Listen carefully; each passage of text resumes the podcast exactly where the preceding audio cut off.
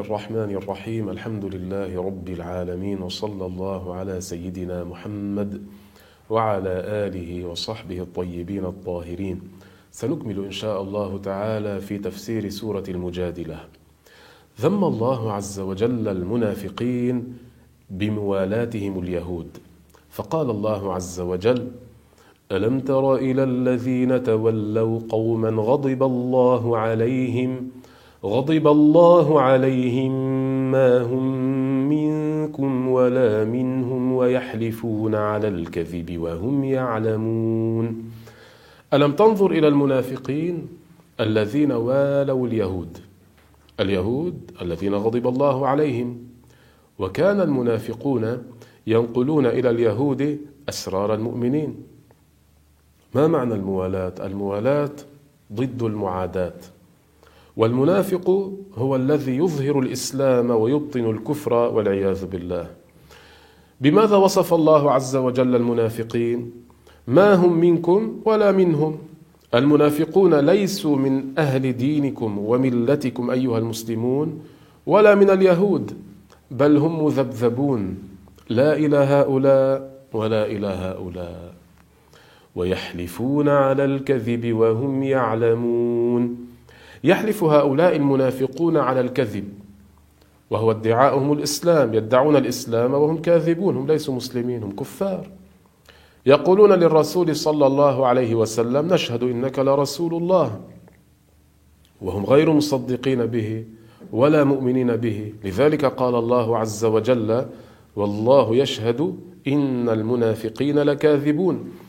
يحلف هؤلاء المنافقون على الكذب. وهو ادعاؤهم الإسلام.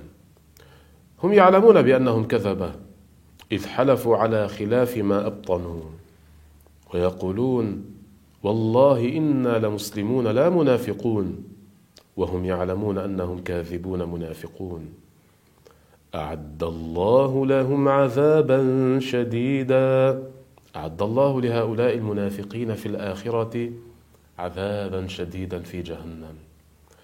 إنهم ساء ما كانوا يعملون. أي بئس الأعمال أعمالهم. اتخذوا أيمانهم جنة فصدوا عن سبيل الله فلهم عذاب مهين. اتخذوا أيمانهم جنة. أي ما يستترون به ليدفعوا عن أنفسهم القتل. فصدوا عن سبيل الله. أي منعوا الناس عن الإسلام. كان المنافقون يثبطون من لقوا عن الإسلام ويعملون على إضعاف أهل الإسلام فلهم عذاب مهين أي لهم عذاب مذل في الآخرة. لن تغني عنهم أموالهم ولا أولادهم من الله شيئا. إن أموال المنافقين وأولادهم لن تدفع عنهم شيئا من عذاب الله. أولئك أصحاب النار هم فيها خالدون. خالدون أي ماكثون في النار. إلى ما لا نهاية لا يخرجون منها أبدا. يوم يبعثهم الله جميعا فيحلفون له كما يحلفون لكم. يوم يبعثهم الله جميعا وذلك اليوم هو يوم القيامة.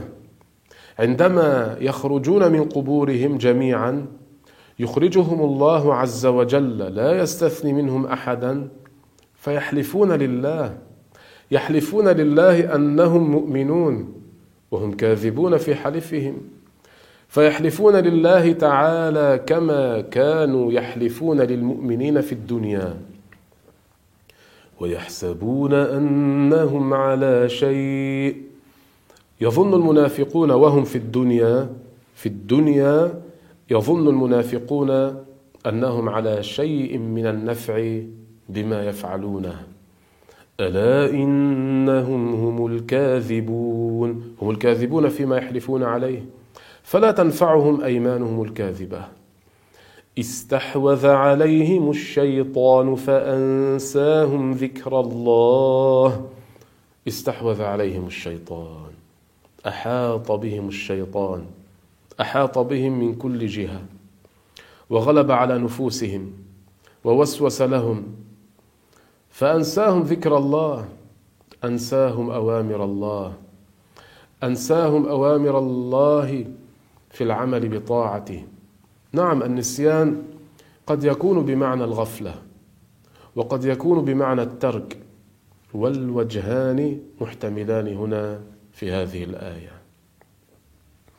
أولئك حزب الشيطان أولئك جند الشيطان أولئك أتباع الشيطان.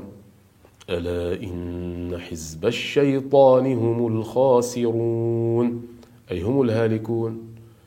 هم الخاسرون الذين اتبعوا الشيطان الذي وصفه الله عز وجل في القرآن بأنه عدو مبين. فنسأل الله عز وجل أن يثبتنا على الحق وأن يوفقنا جميعا إلى ما يحب ويرضى. والله سبحانه وتعالى أعلم وأحكم.